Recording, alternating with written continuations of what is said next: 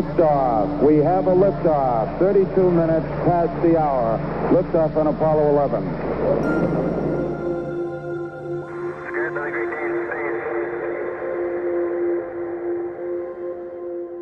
we all want to live in like you know that Star Trek, Star Wars world where you know you jump in your X-wing and you go cruise around among the planets. Like who doesn't watch one of those movies and imagine that, right? Um, and, and obviously, it's more than just. Jeg må sige, øh, jeg deler den drøm, som manden her han taler om. Altså, jeg kunne også godt tænke mig, at vi levede i en verden, hvor vi alle sammen havde adgang til vores egen X-Wing, og vi bare kunne sus ud i verdensrummet, som vi har lyst til. Manden, du hører i klippet her, det er Jared Isaacman. Han er en amerikansk forretningsmand og pilot, og så er han god for omkring 2 milliarder dollars. I mandags der kom det frem, at han havde købt sig en tur i rummet på SpaceX's øh, Crew Dragon rumkapsel. Og så kunne man tænke, okay, det er det endnu en af de her superrige millionærer, som har nogle 100 millioner dollars øh, liggende omkring, så han kan tage på sin egen øh, lille ferie i rummet, som han nu har lyst til. Og det kan man sige, det er jo rigtig nok for hans eget vedkommende. Men nu er det sådan, at Crew Dragon rumkapslen den har plads til fire personer. Og Jared Isaacman, han har altså ikke tænkt sig at invitere sine rige millionærvenner til en tur med op i rummet. Faktisk så har han tænkt sig at tage en lidt anden og meget usædvanlig besætning med på en tur ud i verdensrummet. Velkommen til den nye rumalder på Radio 4 med mig, Thomas Schumann. Twinkle, twinkle, star. This fall, Inspiration 4 launches as the first all civilian mission to space. And you could be on board. Up above the world so Visit inspiration4.com for your chance to go to space. Inspiration 4 er altså navnet på Jared Isaacmans øh, rejse ud i rummet på SpaceX's rumkapsel Crew Dragon. Og som du kunne høre af det her klip, som i øvrigt er en reklame, der kommer til at blive spillet til det amerikanske Super Bowl, for at man kan nå ud til så mange amerikanere som muligt. Mål, målet er altså at lave verdens første fuldstændig civile rumflyvning. Altså, der kommer ikke til at være nogen øh, uddannede astronauter med ombord her. Det kommer til at være øh, private borgere, så at sige, som får lov at rejse her i rummet. Og grund til, at det synes, er lidt specielt, og jeg synes, det er værd at hæfte sig ved, og grund til, at jeg sådan er helt solgt på den her, det er, hvis man kigger på sådan konteksten for, for rumflyvninger. Altså, vi skal tænke på, i år der er det 60 år siden, at den første person fløj i rummet nogensinde, Yuri Gagarin fra Rusland. Og i de seks årtier, som der er gået siden da, jamen, så har der faktisk ikke været særlig mange mennesker, der har fløjet i rummet. Der har kun været i alt 568 mennesker, som har fået lov at gøre det samme, som Yuri Gagarin han gjorde. Og de fleste af dem, det har været testpiloter eller folk fra militæret, eller andre mennesker, som har brugt masser af år på at uddanne sig til astronaut og springe igennem alle de her snævre nåleøjer, som det er et rumfartagentur som NASA, de stiller op for deres astronautkandidater. Og så har der været nogle enkelte rigmænd, altså folk som øh, Jared Isaacman her, der har haft øh, hundredvis af dollars liggende omkring, som de kunne bruge på en, på en rejse ud i rummet. Men det, som er virkelig fedt ved Jared Isaacmans øh, rejse, den her Inspiration 4-mission, det er det spin, som han har, han har valgt at give på den, og hvad det er for mennesker, der kommer til at flyve med på de øh, tre sæder, som han har til overs til sin rumrejse. Jeg havde faktisk mulighed for at tale med Jared Isaacman, mens han var på besøg hos SpaceX's hovedkvarter i øh, Hawthorne, Kalifornien. We've opened this up to everyday people. Um, you know, Inspiration 4 is available to the public. Uh, and, um, you know, we're going to select a, a, great humanitarian who's going to represent our mission pillar of hope. Uh, and she happens to be a frontline healthcare worker at St. Jude Children's Research Hospital. Just awesome story. Uh, and then two, you know, everyday people are going to go to the Inspiration 4 mission website that we launched just yesterday. And whether they choose to make a donation to St. Jude or they go the other path and create a um, an online business and tell the world about it and ask to be elevated to the stars. What I can tell you is there's two people who are walking around every day right now that are going to get fitted for a spacesuit in a month. So pretty pretty incredible. Udover Jared Isaacman, så skal der altså tre andre med, og de har allerede bestemt sig for, hvem den ene af dem i hvert fald skal være. Som man fortæller her i klippet, så kommer det til at være en kvindelig sundhedsmedarbejder, der arbejder for St. Jude's Children's Research Hospital. Det er en velgørenhedsorganisation i USA, som arbejder på at bekæmpe kraft hos børn. De to sidste sæder, der ved vi endnu ikke, hvem det er, der kommer til at sidde der, fordi det er nemlig åbnet op for en lodtrækning. Den ene af dem, det kommer til at være personer, der har doneret inde på Inspiration Force hjemmeside til St. Jude's Research Hospital. Så hvis man går ind og donerer som amerikansk statsborger til den her velgørenhedsorganisation, jamen så er man altså med i lodtrækningen om at komme til at flyve med Jared Isaacman i rummet. Og det sidste sæde, det går til entreprenører, som inde på hjemmesiden Shift for Shop øh, går ind og pitcher en øh, virksomhed.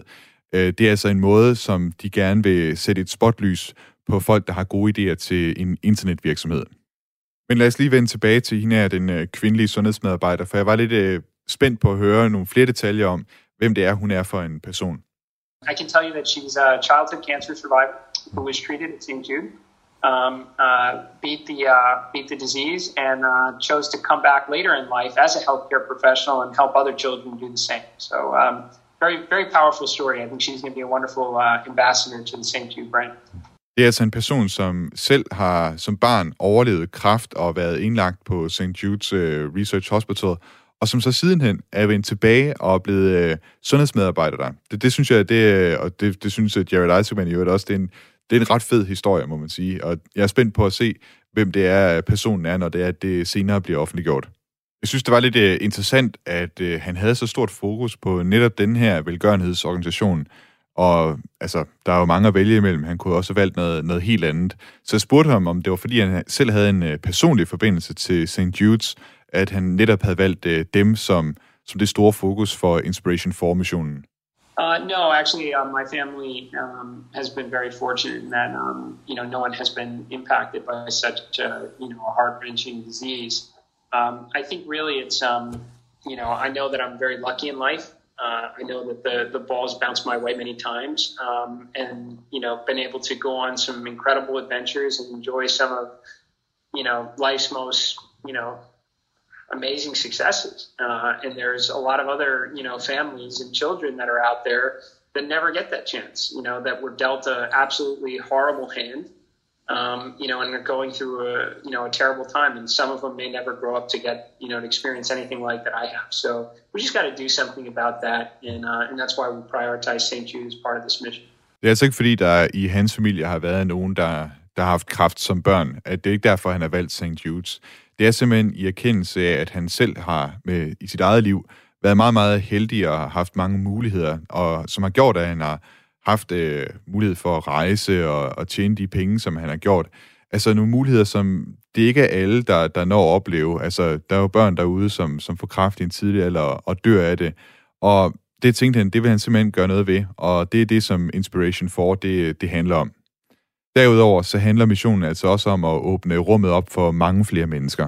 You know, I, I think that is a world that we're all going to, you know, to live in at some point in time, but we got to start somewhere. Uh, and that's what uh, Inspiration 4 is all about. And that's why the SpaceX team has been like amazing, uh, amazingly supportive over this, uh, this effort. Nu kan det være, der sidder nogen øh, derude og tænker, hold da op, sådan en tur kunne jeg også godt tænke mig at komme på, og allerede er på vej ind på Inspiration Force hjemmeside for at ville donere. Og der kan jeg desværre skuffe jer øh, derude, for det går altså ikke øh, for danskere. De kan ikke, øh, vi kan ikke øh, være med i den her lodtrækning. Det er kun for amerikanere. Og det spurgte jeg selvfølgelig Jared øh, Isaacman om, hvordan det kan være, at det kun er amerikanere, der kan få lov at tage med en flyvetur ud i rummet sammen med ham. And I wish it was. I wish it was truly a worldwide process because this is what we're trying to do. I mean, that's why we're having this Super Bowl commercial, you know, a few days from now, is to energize everyone uh, as to the the potential um, that exists in the world, both in space and, and here on Earth. Um, but unfortunately, given our timelines, um, you know, of beginning the crew selection process essentially yesterday and having to submit those names uh, to SpaceX for for um, you know training and uh, you know the uh, space uh, space flight uh, spacesuit construction, which takes five months to do. That kind of already gets you really close to the launch window. We don't have the time to go through the U.S. Um, ITAR regulatory process, um, and that's why it had to be uh, restricted to to U.S. citizens only. But you know, the good news is. Uh, SpaceX is building a lot of rockets. I can attest to that. I'm here at SpaceX's headquarters, and believe me, the, the assembly line isn't slowing down. So uh, this won't be the last mission. Um, I'm quite sure that um, everybody in the world at some point, um, you know, maybe a little bit in the future, is going to get an, an opportunity, and it probably will be driven by by SpaceX technology. Han siger altså, at han vil ønske, at Inspiration 4-missionen den kunne have været international. Problemet det er bare, at hvis han vil ud og flyve her til efteråret i år, så løber han ind i nogle problemer med de såkaldte ITAR-regler. En hver ingeniør i Danmark, der har prøvet på at få arbejde hos en amerikansk øh, rumfartvirksomhed, ved, at der går nogle helt klare grænser for, hvad man som udenlandsk statsborger kan få lov at arbejde med. Og det hænger selvfølgelig sammen med, at øh, rumfartvirksomheder som SpaceX, der laver rumraketter, de altså arbejder med teknologi, der lige så godt kan bruges til at udvikle missiler. Og det er amerikanerne ikke super vilde med, at det skal spredes øh, alt for meget ud til resten af omverdenen. Så derfor så går der altså de her klare grænser, og det gælder altså også for de her borgere, som skal ind til SpaceX og har designet deres rumdragter derinde. Og der vil øh, de amerikanske regler, regler altså gøre, at udenlandske borgere, de kan ikke øh, komme ind og få adgang til SpaceX's faciliteter. Men han regner så samtidig med, at SpaceX, fordi det er en virksomhed, der har planer for at, eller planer om at vil gøre rummet endnu mere tilgængeligt, at de, de kommer altså ikke til at stå stille, så vi skal nok komme til at se, at uh, der også kommer til at være internationale missioner, på, uh, som, som kommer til at minde om uh, Inspiration 4. Jared, it's uh, been a pleasure talking to you. Thank you very much for, for taking the time. Absolutely. Thank you. Yeah. Bye-bye. Thanks, take care. Hello, I'm Robert Zubrin. I'm president of the Mars Society, and you're listening to Den Nye Romula. Jeg synes altså, det er en ret fed mission, som øh, Jared Isaacman han har kastet sig over her. Jeg synes, det er ret fedt, han, han har gjort det og åbnet det op, sådan at øh, helt almindelige mennesker derude altså kan gå ind og donere. Og de har altså, jeg kan se på hjemmesiden nu, at de har stadig 25 dage til at gøre det, og så vil de offentliggøre, hvem det er, der, der er udvalgt til, til den her mission, og nok også komme med nogle flere detaljer på den her sundhedsmedarbejder. Og jeg kan lige sige, øh, han, han fortalte mig også, øh, Jerry Geisertman, om selve missionen. Altså, det kommer ikke til at være en mission op til den internationale rumstation. Det her, det kommer til at minde mere om de øh, såkaldte Mercury-missioner, altså de tidlige missioner, der ligesom var øh, NASA's forberedelse til at sende mennesker til månen, de hed øh, Mercury. Og det var missioner, hvor det er, at kapslen blev sendt i kredsløb om jorden, i et forholdsvis højt kredsløb, øh, nogle af dem, sådan at man kunne se meget mere af jorden, end man kan fra, fra den internationale rumstation. Og de kommer altså til at være deroppe i, i nogle dage, bare inde i øh, den her Crew Dragon rumkapsel, indtil de så øh, på et tidspunkt øh, vender tilbage til jorden. Hele det interview, jeg lavede med Jerry Geiserman, det kan du finde inde på Radio 4's hjemmeside eller på podcast. Det ligger derinde som en øh, bonusepisode, hvis du kunne tænke dig at, at lytte til øh, hele den snak, jeg havde med ham. Den tog, den tog omkring 17 minutter. Inspiration for missionen, det er faktisk ikke den eneste mission, vi skal tale om i dag, som er blevet gjort mulig på grund af, at SpaceX de har fået gjort deres Crew Dragon rumkapsel klar. Det er som om SpaceX med den her rumkapsel virkelig har fået sparket en dør op for privat rumturisme. For i sidste uge, den 26. januar, der kunne den private virksomhed Axiom Space annoncere, hvem der kommer til at være deres besætning på deres AX-1-mission, der skal flyve op til den internationale rumstation på en Crew Dragon rumkapsel. Hvis du ikke lige kan huske, hvem Axiom Space er, så er det altså en virksomhed, som har slået sig op på at vil lave rumturisme. De har blandt andet også en plan om, at de vil lave en øh, rumstation, som altså primært skal servicere private astronauter. Og de kunne altså i sidste uge, som sagt, øh, annoncere, hvem det er, der kommer til at være deres besætning, som skal flyve op i 2022. Men den besætning, den kommer altså hverken til at bestå af sundhedsmedarbejdere eller tilfældigt udvalgte amerikanere. Helt konkret så drejer det sig om en øh, besætning bestående af Michael Lopez Alegria. Han er vicepræsident i Axiom Space, og så er han også øh, uddannet astronaut. Og så kommer det til at være den amerikanske entreprenør Larry Connor og den kanadiske investor Mark Pathy, og så endnu en investor og filantrop Aitan Stibe. Altså kort sagt, det her det er igen millionærer og bestyrelsesmedlemmer i store øh, virksomheder, som altså hver især har købt sig til et sæde ombord på den her Crew Dragon rumkapsel for flere øh, 100 millioner danske kroner. Nu lykkedes det mig ikke at få et interview med Axiom Space eller, eller nogle af de her besætningsmedlemmer, men øh, det lykkedes mig faktisk at gøre det næstbedste, for det viser sig, at vores helt egen øh, danske, kommende øh, danske private astronaut, Per Wimmer, øh, han faktisk kender en af besætningsmedlemmerne her. Så jeg ringede til Per Wimmer for at få ham til at fortælle lidt mere om, hvem det her det, det er for et besætningsmedlem. Pierre, du kender jo faktisk en af besætningsmedlemmerne på AX1. Du kender øh, Michael Lopez Alegria.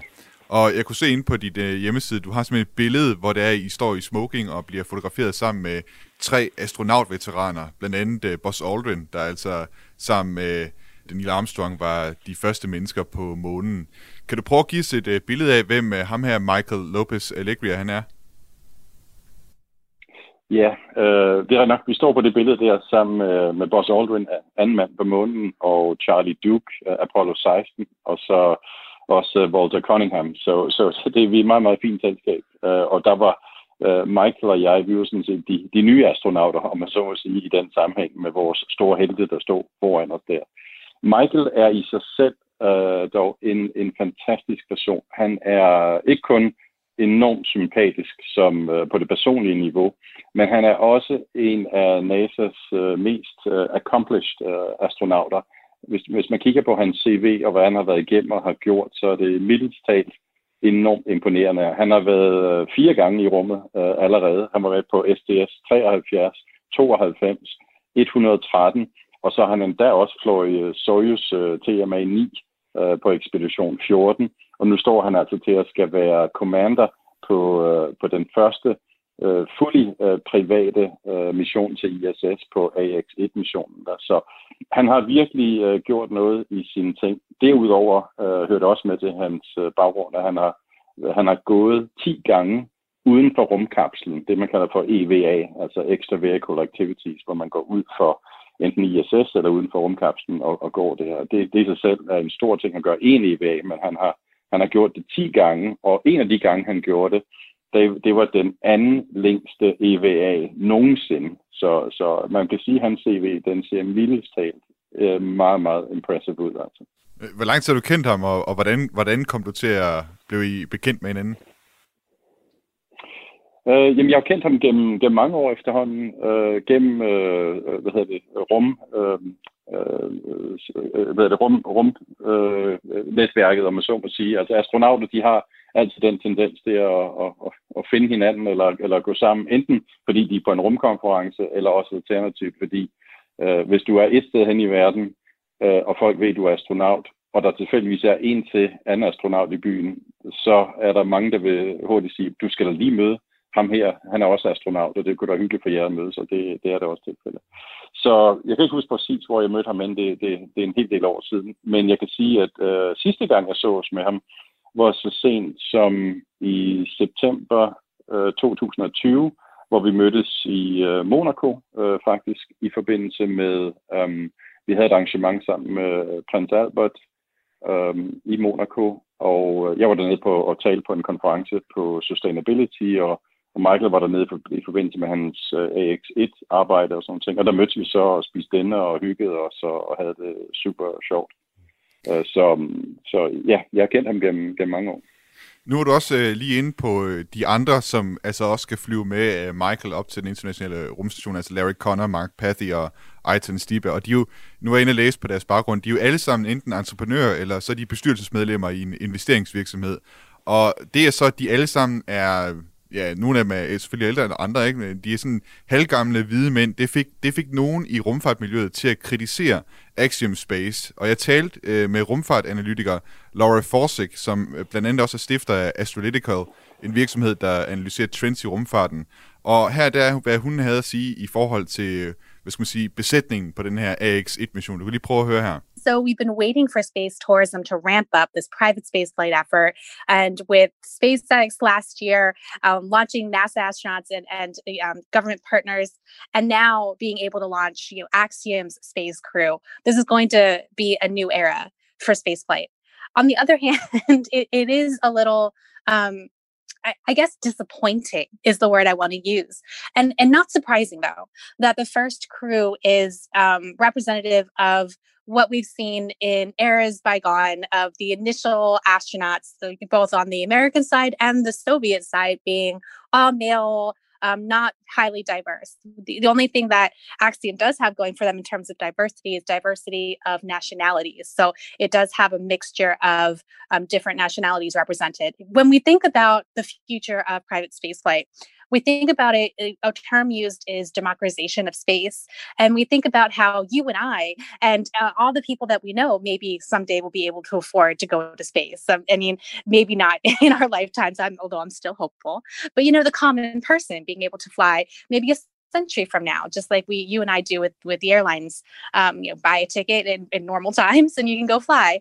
And so it, it's it's one of those things where we have this ideal that space is act, able to be open for anybody, and yet what we see is a repeat of history in that space is only open to the most elite um, white males, uh, which um, has has its own history of uh, yeah i'm not i'm not a social scientist or, or anything like that but it, it is rooted in um, white european colonization. And and so there there's that dichotomy there of the past and the future and what we want the future to be For lige at opsummere, hvad Laura Forsik hun siger i klippet her, så er det altså, at godt nok så er det en milepæl for rumfarten med den her første privatfinansierede rummission til den internationale rumstation. Men samtidig så er det en smule skuffende, at besætningen ikke er mere mangfoldig. Det går imod den her forestilling om, at private, altså den private investering i rumfarten, at den kan være med til at åbne rummet op for almindelige mennesker, når det nu er den, cirka den samme slags hvide, øh, halvgamle mænd, der, der flyver i rummet, som vi har set tidligere. Øh, per Wimmer, hvad, hvad tænker du øh, om det, Laura siger? Kan du dele den skuffelse, som hun taler om? Jeg synes, hendes kritik er noget malplaceret, fordi øh, hvis nu det her det var øh, et regeringsprogram, øh, NASA eller det russiske program osv., som ultimativt er finansieret af skatteborgerne, så, så synes jeg, det, det er helt fair at sige, at vi er nødt til at skal have en eller anden form for diversity i, i, i, i dem, der tager op. Det skal være, hvis det er USA for eksempel, så skal der være nogle um, American, uh, African Americans, der skal være nogle Indians, der skal være hvide, der skal være forskellige, alle, alle uh, der skal både være male og female osv. Det er fair nok, absolut, uh, og sådan skal det også være. Og sådan har det også været over tid i USA, hvis man kigger på NASA's historie. Men når det kommer til uh, private space, uh, så er det jo således, at, uh, at uh, prisen, især som også hun nævner her, er ret høj, altså 55 millioner dollars. Det er ikke mange, der har den liggende. Og der må man ligesom øh, sælge billetter til dem, der kan og vil. Øh, og nu viser det sig, at det er så øh, tre personer her, godt nok fra tre forskellige lande, øh, men selvom det alle sammen er, er mænd, og de er hvide, øh, so be it. Altså, men det er bedre at, at have dem til at tage det op, end, end ingen, der tager det op. Men det står frit for alle, der har 55 millioner dollars uh, spare cash liggende, uanset hvor man kommer fra, uh, så er jeg sikker på, at, at Axiom også vil, uh, vil sælge dem en billet. Så, så det er sådan lidt første mølle. Uh, øh, først få malet mel her. Øh, så det, og sådan er det jo, når det er privat, og det er en fuld privat mission, det her. Så øh, Axiom, det er jo et privat selskab, og, og de skal sælge øh, billetter, ligesom en biograf skal sælge biografbilletter, og der er det hvem, der kommer først. Men der bliver naturligvis en øh, AX2, en AX3, en AX4, så der er masser af mulighed for at melde sig under fanerne, hvis man har anden etnisk baggrund. Øh, jeg tror, at det største krav, og den måske sværeste kriterie, det er at finde de 55 millioner dollars. Det er trods alt kun for en, en, en ret øh, begrænset elite, øh, selv også på verdens, verdensplan. Nu kan man sige, hun er jo, altså du, du er jo egentlig også en af dem, som hun taler om. Altså du har jo også øh, fået råd til din rumrejse øh, gennem, gennem dine, de penge, du har tjent i finansverdenen. Hvad, hvad siger du selv til folk derude, som har det lidt ligesom uh, Laura Forsick her, og som måske primært ser privat rumfart som en lukket klub, hvor rige mænd de kan lege med rumskib? Uh, jamen jeg vil sige, det, det er sådan en lille smule kortsigtet, fordi øh, hvis man kigger tilbage og kigger det med de lidt more, mere historiske briller på, slutningen af 20'erne, starten af 30'erne, hvor øh, privat øh, flyfart, altså almindelig fly, som vi kender i dag, det var jo øh, privilegiet for enten regeringsansatte eller også for rigmænd. Øh, men de var ligesom med til at øh, trailblaze øh, hele vejen for, at vi nu i dag kan i normale tider flyve billigt til Spanien og billigt til Italien og hvor vi ellers har lyst til.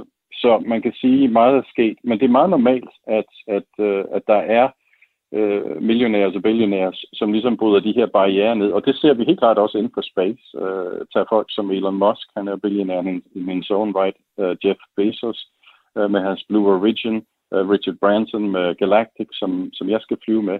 Altså, de er alle sammen milliardærer, og uden dem, øh, så havde vi ikke øh, privat rumfart, som er den dag i dag. Det er simpelthen, fordi de har passionen for det. De er med til at trailblaze det her, og gøre det privat, gøre det mere spændende, gøre det mere kosteffektivt.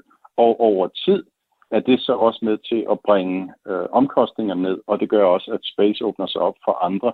Og så forhåbentlig, øh, som øh, hende, hende du interviewede der lige før, hun får så også muligheden for at kunne flyve til sin tid. Um, og det er det, der sker. Omkostninger bliver bragt ned over tid, uh, når, når det private bliver involveret. Så so that's the good news. Men i starten, der er det for få. Det er ingen tvivl om.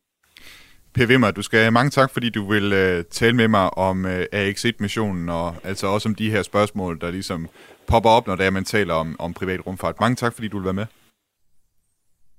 Selv tak. Ad Astra. Vi ses i rummet. Hi, I'm Günter Hasinger. I'm the Director of Science for the European Space Agency. And you are listening to the New Romella with Thomas Schumann. Du lytter til den nye rumalder på Radio 4 med mig, Thomas Schumann, og i dag der har vi talt om de to nye privatfinansierede missioner, AX1 og Inspiration 4, som skal bane vejen for, at stadig flere mennesker kan få en tur i rummet. Den drøm, den er slet ikke ny. Faktisk så var det NASA's plan med rumfærgeprogrammet at åbne verdensrummet op, så stadig flere mennesker kunne komme ud og rejse i rummet. Det var en af tankerne med at sende skolelæreren Krista McAuliffe en tur i kredsløb om jorden på rumfærgen Challenger. En hver, der kender lidt til rumfartens historie, ved også, hvordan det gik med Challenger-rumfærgen. Den sprang i luften 76 sekunder efter sin opsendelse fra Kennedy Space Center den 28. januar 1986. Og derfor synes jeg også, det er lidt et sammentræf, at de her to missioner, som altså havde det samme formål i virkeligheden som Challenger-missionen, de er blevet annonceret omkring samme tidspunkt som årsdagen for Challenger-ulykken. Og ikke bare det, det er også øh, årsdagen for Columbia-ulykken, der skete i 2003, hvor at Columbia-rumfærgen på vej ned gennem jordens atmosfære brændte op, fordi noget af varmeskjoldet var blevet, blevet reddet af under opsendelsen. Jeg tænkte, at jeg i anledning af årsdagene for Challenger og Columbia-ulykkerne vil ringe til nogle af de danskere, som rent faktisk havde lært at kende de her astronauter, som altså døde i forbindelse med, med ulykkerne. Vi starter med Challenger-ulykken tilbage i 1986, og der ringede jeg til Marianne Albjerg, som vi har haft på øh, den nye rumalder som gæst før. Marianne Albjerg, hun startede med at arbejde i, hos NASA tilbage i 1979, så hun arbejdede der altså i 30 år på NASA's rumfærgeprogram, så da, i, tilbage i 1986, da Challenger skulle afsted, der var hun altså allerede en integreret del af rumfærgeprogrammet. På det tidspunkt arbejdede jeg i, i øh, Mission Control under missionerne, og i de år, to år op til missionerne, der trænede jeg jo med astronauterne.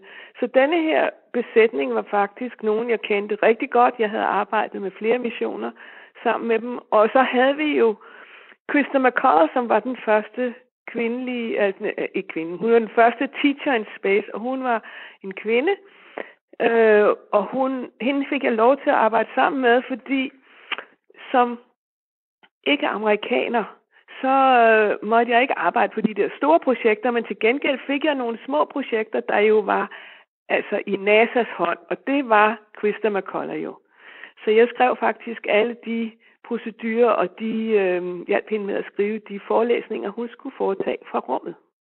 Og det var sådan, at alt, hvad man jo skulle lave ombord på Space Shuttle, det var jo dokumenteret og testet helt igennem øh, fra ende til anden. Og det var så publiceret.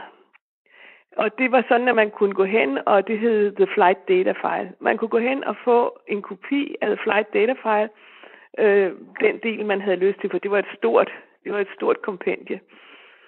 Og øh, lige med undtagelse af det, at Krista, hun skulle fortælle om, fordi det skulle være lidt en overraskelse. Det var ikke fordi, det var secret, det var bare fordi, det skulle være en overraskelse. Og den eneste, der havde en kopi af det, det var mig. Så jeg var over og tale med dem. Det var faktisk, øh, ja, det var 10 dage for, tror jeg det var 10 dage før, at de, de endelig kom afsted.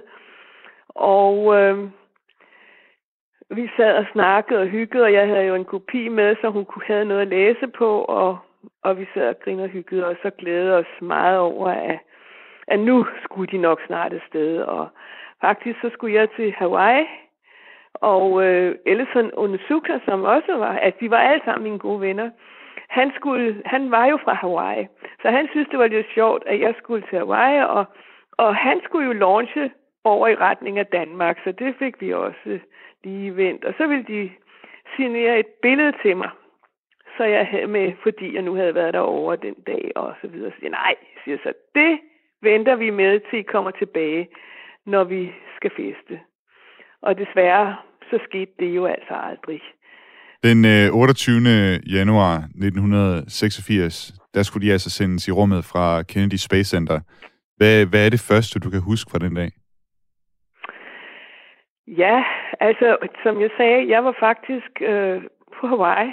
Jeg var, jeg var der ikke til opsendelsen, fordi øhm, den skulle egentlig have været sendt op noget før, og så så skulle den sendes. Så, så havde jeg regnet ud, fordi når man så sidder på Hawaii, så er det lidt svært at følge med i dengang. Var det lidt svært at følge med i, hvordan tingene gik på afstand. Det var lidt før det helt store internet øh, var, var, var fungerende. Så jeg sad faktisk et meget, meget smukt sted på, på øh, den store ø og kiggede ud over vandet, hvor de surfede, og så tænkte jeg, ej, nu må det altså være tidspunktet, hvor Krista hun skulle holde en af sine forelæsninger, så jeg gik ind og slog øh, tv til. Og øh, det første, jeg hørte, det var, at de talte om øh, øh, besætningen i datid. Og så fik jeg jo spærret øjnene op, og så gik der ikke ret lang tid, så viste de jo eksplosionen på fjernsynet. Og det var altså næsten, ja, det var forfærdeligt. Øh, men man har jo gennem øh, simuleringer, man gennemgår jo alle missioner inden, og man ved jo godt, det er farligt. Men man kan jo ikke rigtig forberede sig på, at man pludselig virke, øh, mister syv af sine gode venner på den måde. Det er et hårdt slag.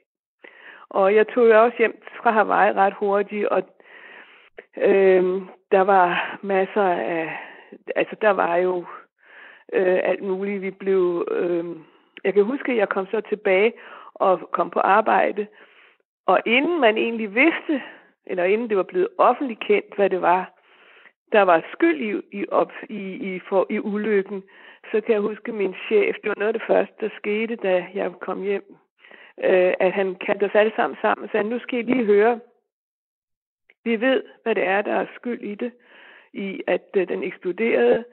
Og det er ikke noget, I skal gå ud og annoncere. Det er noget, vi stadigvæk investigerer og kigger på, for at, at give det helt rigtige billede af, hvad der er sket. Men I skal vide, at der er set øh, den her sky fra en, en lille, der hvor der gik en stikflamme ind, og jo brændte hul i brændstoftanken cirka 70-80 sekunder senere, hvor det hele sprang i luften. Så øh, det er også en meget stor ting at være sammen om, at man får sådan noget at vide. Øh, det var NASA rigtig god til. Der var ikke nogen øh, hidden agendas. Når de vidste noget, så fik vi det at vide, og vi fik det at vide på en måde, så de sagde det, for hvis I bliver spurgt, så må I godt sige det, men I skal ikke gå ud og publicere sådan noget. Hvert år så afholder NASA en mindehøjtidlighed til ære for de astronauter, der døde i Challenger-ulykken. Og Marianne Albjerg, hun henviste til den mindehøjtidlighed, der blev afholdt i år, og et digt, som blev læst op ved, ved mindehøjtidligheden. Jeg vil bare lige sige de to første linjer, fordi jeg synes, de er fantastiske, hvor han, det starter med, Do not stand on my grave and weep. I'm not there, I do not sleep. Og så fortæller det, at man er alle andre steder, og du skal ikke græde over mig, fordi jeg er her, og jeg er ikke død. Og jeg føler stadigvæk, at når nu I ringer og spørger, om I vil have et interview med mig om det her, så sidder mine venner fra Challenger, de sidder på mine skuldre, og de siger ja, for livet går videre, og vi støtter dig i alt det, der skal, for, der skal ske fremad da det var 30 år siden, der, blev jeg, der løb jeg netop ind i en, en tv-crew ude på DTU Space. Og, øh, og så spurgte de mig, om jeg ville komme ind i, i, øh, i fjernsynet om aftenen. Nej, det kan jeg ikke, for jeg skal noget i aften. Og så siger det er 30 år siden. Og jeg går fortælle, da jeg blev fuldstændig forstenet, så siger jeg, jamen selvfølgelig kommer jeg. De sidder her på ryggen af mig og siger, at jeg skal. Hvad tror du, øh, rumfartbranchen som sådan, altså hvad er det, vi kan tage med videre fra, fra sådan nogle øh, ulykker? Ja, hver gang så tager man det videre, at man siger, at det skal aldrig ske igen. Men også til en forelæsning en gang med øh, sammen med øh, Neil Armstrong, øh, hvor han, tag, øh, han skulle holde foredrag i National Air and Space Museum i Washington D.C. Og så kommer han ind, så siger han, jeg vil ikke tale om dengang vi landede på månen, jeg vil tale om de 10 år inden. Og så fortalte han om, hvordan hver eneste, han var jo testpilot, hver eneste test, som de havde lavet, der havde de altså lavet det her. Ja, siger han så. Og så mistede jeg den ven. Men så lærte vi det. Og sådan går det jo hånd i hånd. Og rumfart er virkelig, øh, det er jo farligt. Det er testpiloter også. Et, et farligt liv. Men, øh, men man lærer af sine fejltrin, og det er jo selvfølgelig forfærdeligt hver gang, der går nogle mennesker til. Men vi skal også tænke på, at, øh, at, uden det, uden der er nogen, der tør sætte livet på spil, kan man sige, så kommer vi måske ikke videre. Øh, og derfor skal vi jo lidt tænke på det, når vi også skal til Mars. Fordi det er i hvert fald også meget farligt. Tilbage til månen, det var en fantastisk, øh, en fantastisk bedrift, at vi kom til månen i sin tid. Det var meget farligt. Og nu skal vi så videre til Mars øh, også. Det tager noget tid, fordi vi vil gerne være helt sikre på, at der ikke sker ulykker. Men vi skal være forberedt på det. Og så lærer vi noget. Marianne Albjerg, du skal have mange tak, fordi du øh, vil tale med mig og fortælle mig om din øh, oplevelse der tilbage i øh, 1986, den 28. januar. Jo, tak. You're welcome. Hvis du nu skulle sidde derude og være mere nysgerrig på, hvad det var helt præcis, der gik galt med Challenger, øh, rumfærgen under opsendelsen, der fik den til at eksplodere, og i det hele taget er mere nysgerrig på, på missionen, så vil jeg virkelig anbefale dig at se den øh, miniserie, minidokumentarserie, der er på Netflix, der hedder Challenger The Final Flight. Den går virkelig i dybden og viser også, hvordan man i NASA faktisk helt op til natten før opsendelsen diskuterede, om man skulle sende den op, fordi man godt kendte til det her problem, som endte med at koste øh, de syv astronauter ombord på rumfærgen livet. Selvom Challenger selvfølgelig betød, at NASA gennemgik deres øh, rumfærger igen og begyndte at indføre nye skridt i forhold til deres sikkerhed, så endte det altså ikke med at være den sidste rumfærgeulykke. Den sidste rumfærgeulykke den skete den 1. februar 2003, da Columbia-rumfærgen skulle vende tilbage fra rummet. På sin opsendelse fra Kennedy Space Center, der var der reddet sig et stykke isolation af den brændstoftank, som rumfærgen den øh, fløj udenpå, og det havde altså slået et stykke af varmeskjoldet af rumfærgen. Så da den vendte tilbage igen, så var et stykke af vingen fuldstændig ubeskyttet over for den plasma, der danner sig, når det er rumfærgen den øh, vendte tilbage fra rummet.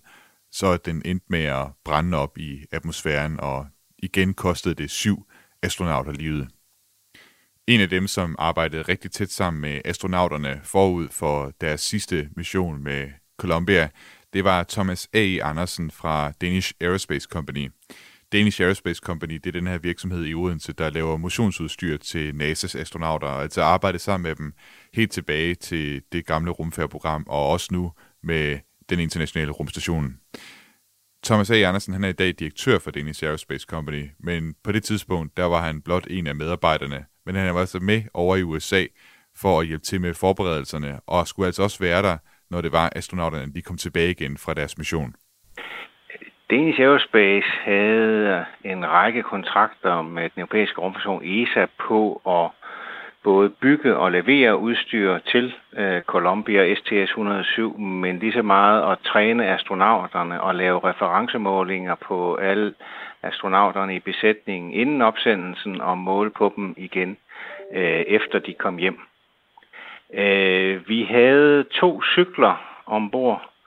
En på det nederste dæk på rumfærgen Columbia, som de bruger til at motionere på, øh, mens de er deroppe. Og så havde vi en cykel og et lungefysiologisk udstyr, der hed RMS-2, som sad inde i det modul, der lå i rumfærgens lastrum, som hed Spacehab. Det var sådan et lille modul, hvor de kunne svæve ind i og lave videnskabelig forskning. Nu siger du, at øh, du var med til at, at træne de her astronauter i, øh, i det her udstyr. Hvor, hvor godt lærte du at, at kende de her syv astronauter? Øh, rigtig godt. Øh, jeg vil sige sådan, at det var jo primært øh, Øh, det, der hedder payload specialist, altså ikke øh, kaptajnen og piloten, for deres primære opgave, det var at flyve og lande rumfærgen, men, men det var primært de, de andre. Og da de stort set alle sammen var forsøgspersoner i de videns, serie videnskabelige forsøg, som vi supportede med vores lungefysiologiske udstyr, så tilbragte jeg rigtig mange måneder i Houston i de sidste halvanden år øh, inden missionen. Og dermed kommer du også tæt på dem, når vi har været ude at spise med dem og været i biografen. Og de var endda så søde at tage os med ind og lade os prøve øh, rumfærgesimulatoren, den som pilot og kaptajn træner i, og så vi selv kunne få lov at lande en rumfærge i situationstegn selvfølgelig i simulatoren. Så, så, så man fik en tæt omgang med den, og det var jo mange gange, øh, når vi var derovre i 14 dage, tre uger, jamen, så målte du på dem 3-4-5 gange i løbet af den tid, øh, på alle fem payload-specialister. Var det noget, nogensinde noget, I overhovedet talte om det her med, at altså, det, er, det er jo en farfuld færd at, at tage i rummet, uanset hvad. Talte I nogensinde om, at der, der måske kunne være noget, der gik galt, og hvad deres overvejelser var? Ja, vi, vi, altså det var ikke noget, man snakker om, men jeg vil sige sådan, at øh, øh, jeg kan da huske, at vi var ude at spise en gang blandt andet med, med, med Dave Brown, øh, hvor vi snakkede, og hvor han gav udtryk for, jamen, øh, jeg kender godt risikoen. Jeg har fløjet jagerfri fly fra et hangarskib. Og det er jo heller ikke decideret ufarligt øh, at starte og lande fra, fra et hangarskib. Så, så de var bevidst om det, og det er alle astronauter, selvfølgelig er de det. Altså, det, det er jo risikofuldt at sende sig ovenpå en, en stor tank med flydende ild og brændt dæk, fordi går det galt, så går det rigtig galt. Mm. Under selve missionen, der var vi i Houston i Texas i kontrolcentret, hvor og jeg og flere af mine kollegaer arbejdede i toholdsskift med at supporte missionen og vejlede dem i de forskellige videnskabelige forsøg, de, de lavede deroppe. Og så øh, blev mine kollegaer Houston, mens jeg fløj til, til Florida for at være der ved landingen, fordi vi havde en række målinger, vi skulle foretage på astronauterne cirka halvanden time efter de var landet. Det var jo sådan, at når rumfærgen landede, så ville de helst have den ned på landingsbanen i, øh, i Florida, for så skulle de ikke tra- transportere den tværs over USA. Den kunne jo også lande i Kalifornien. Øh, og her var vejret med os, og det så, øh, så ud til, at det blev Florida ret lang tid og derfor øh, fløj jeg til Florida for at kunne måle på dem. Hvad, hvad, hvad kan du huske fra, da I står og, og venter på, at øh, rumfærgen den, den altså skal indkomme? Jamen det, der sker, det er, at, at vi får jo, øh, får jo beskeder, kan se på, på tv og få information om, at nu har, har Colombia øh, lavet det deorbit burn, som er den affyring af bremseraketterne, der gør, at den begynder at falde ud af sit kredsløb om jorden. Og når du først begynder på det, når du først har lavet dit deorbit burn, så er der ikke nogen vej tilbage. Så skal du hjem, og så skal du lande. Og du kan ikke udsætte landingen. Det er vigtigt at huske, at rumfærgerne øh, blev godt nok sendt op som en raket, men de landede jo som et svævefly. Simpelthen gled ind og landede som et svævefly på landingsbanen. Og derfor gik vi ud og vidste, at cirka og nu kan jeg ikke huske det præcise tal, men jeg tror, det er 8-10 minutter inden den skulle sætte hjulene ned på landingsbanen i Kennedy, så vil der komme et øh, dobbelt øh, brag, når rumfærgens vinge øh, gennembrød lydmuren. Og øh, det tænkte vi, det går vi ud, og det venter vi på, og så går vi ud og hører det. Og øh, da der var gået 9-10 minutter, øh, og vi stadigvæk ikke havde hørt det, så gik vi ind igen, fordi så vidste vi godt, der er noget galt. Fordi, som jeg siger, når rumfærgen har forladt øh, sit kredsløb, så bliver den ikke forsinket. Og så kunne vi jo komme ind og se på tv-skærmene de billeder, som blev vist øh, over fra, fra, fra Texas øh, med, med brændende rester, der faldt ned, og så var vi godt klar over, at det var helt galt. Hvad for nogle følelser efterlod det der med? Altså, du har jo mødt og, og, og, og talt med de her astronauter. Hvad, hvad, hvad, hvad, hvad, hvad står man med af, af følelser i den situation der? Øh, det var det var svært, og lige så meget fordi, at, øh, at dengang var mobiltelefoner ikke så udbredte. Så det at kunne få kontakt til, til familien herhjemme i Danmark, som jeg vidste alle sammen var samlet øh, hjemme hos os privat og skulle følge landingen, øh, og ikke lige kunne fortælle dem, hvor man var og hvad der gik. Øh, jeg var så heldig at låne en svensk forskers mobiltelefon, og så kunne jeg lige ringe hjem ganske kort og, og fortælle øh, hvordan det stod til. Men, men, men det var selvfølgelig man når ikke at tænke så meget på det tidspunkt. Øh, tragisk. Øh, du ved, der går mange tanker, og alligevel ikke ret mange tanker gennem hovedet på en, ikke? Fordi i princippet var der ikke noget, vi kunne gøre andet end at sætte os ned og vente på, at den der lockdown, øh, den blev ophævet, så vi kunne tage tilbage til vores hotel. Øh, jeg kan da huske, at jeg var ude og spise om aftenen med nogle svenskere, og det var jo ikke verdens mest opmuntrende middag. Øh, et par dage senere fløj vi tilbage til øh, Houston og øh, deltog i den mindehøjtidlighed, og den daværende præsident fløj jo ind, og der var en mindehøjtidlighed på Johnson Rumcenter i Houston på det tidspunkt. Det, der nok påvirkede mig mest på det tidspunkt, det var, det var da jeg var tilbage til hotellet. Og øhm, min kone fik, øh, fik børnene til at, at ringe til mig og snakke med dem. Det var meget livsbekræftende. Hvad snakkede I om i telefonen? Jamen, det var bare småt og stort. Altså. Det var ligesom det at, at høre fra en hverdag, og det som en dagligdag, og, og snakke med ens børn og familie, når der er sket sådan noget. Ja, og blive reddet ud af, altså, ja, jeg ved ikke, blive, komme i kontakt med dem igen, går ud fra. Ja, lige præcis, og, og tænker, og, og, og måske snakke om noget andet, end det, som jo fylder alt og alle, fordi at jamen, alt dem, vi omgik, det var jo også folk, der havde kendt dem og været med til at træne dem, og fra ESA og NASA, ikke? Og, og alle var jo påvirket af det her, både i USA og i Florida, måske øh, til en større grad, end, end, end, end man var hjemme i Danmark. Selvfølgelig var det på, på nyhederne og forsiderne, men i USA har astronauter stadigvæk, og specielt dengang jo en, en, en enorm heldestatus og et enormt image i befolkningen. Ikke? Så, så alle i USA vidste jo, hvad der var sket, og, og hvad skal man sige, levede sig ind i den tragedie, det var. Hvad tror du, øh, sådan, hvis, hvis man kigger på rumfartbranchen øh, som sådan, øh, hvad, hvad, hvad, hvad er det, vi, vi fra sådan en ulykke kan, kan tage med videre øh, og som kan gøre, at vi i fremtiden måske kan, kan sikre os, at, at sådan noget ikke sker igen?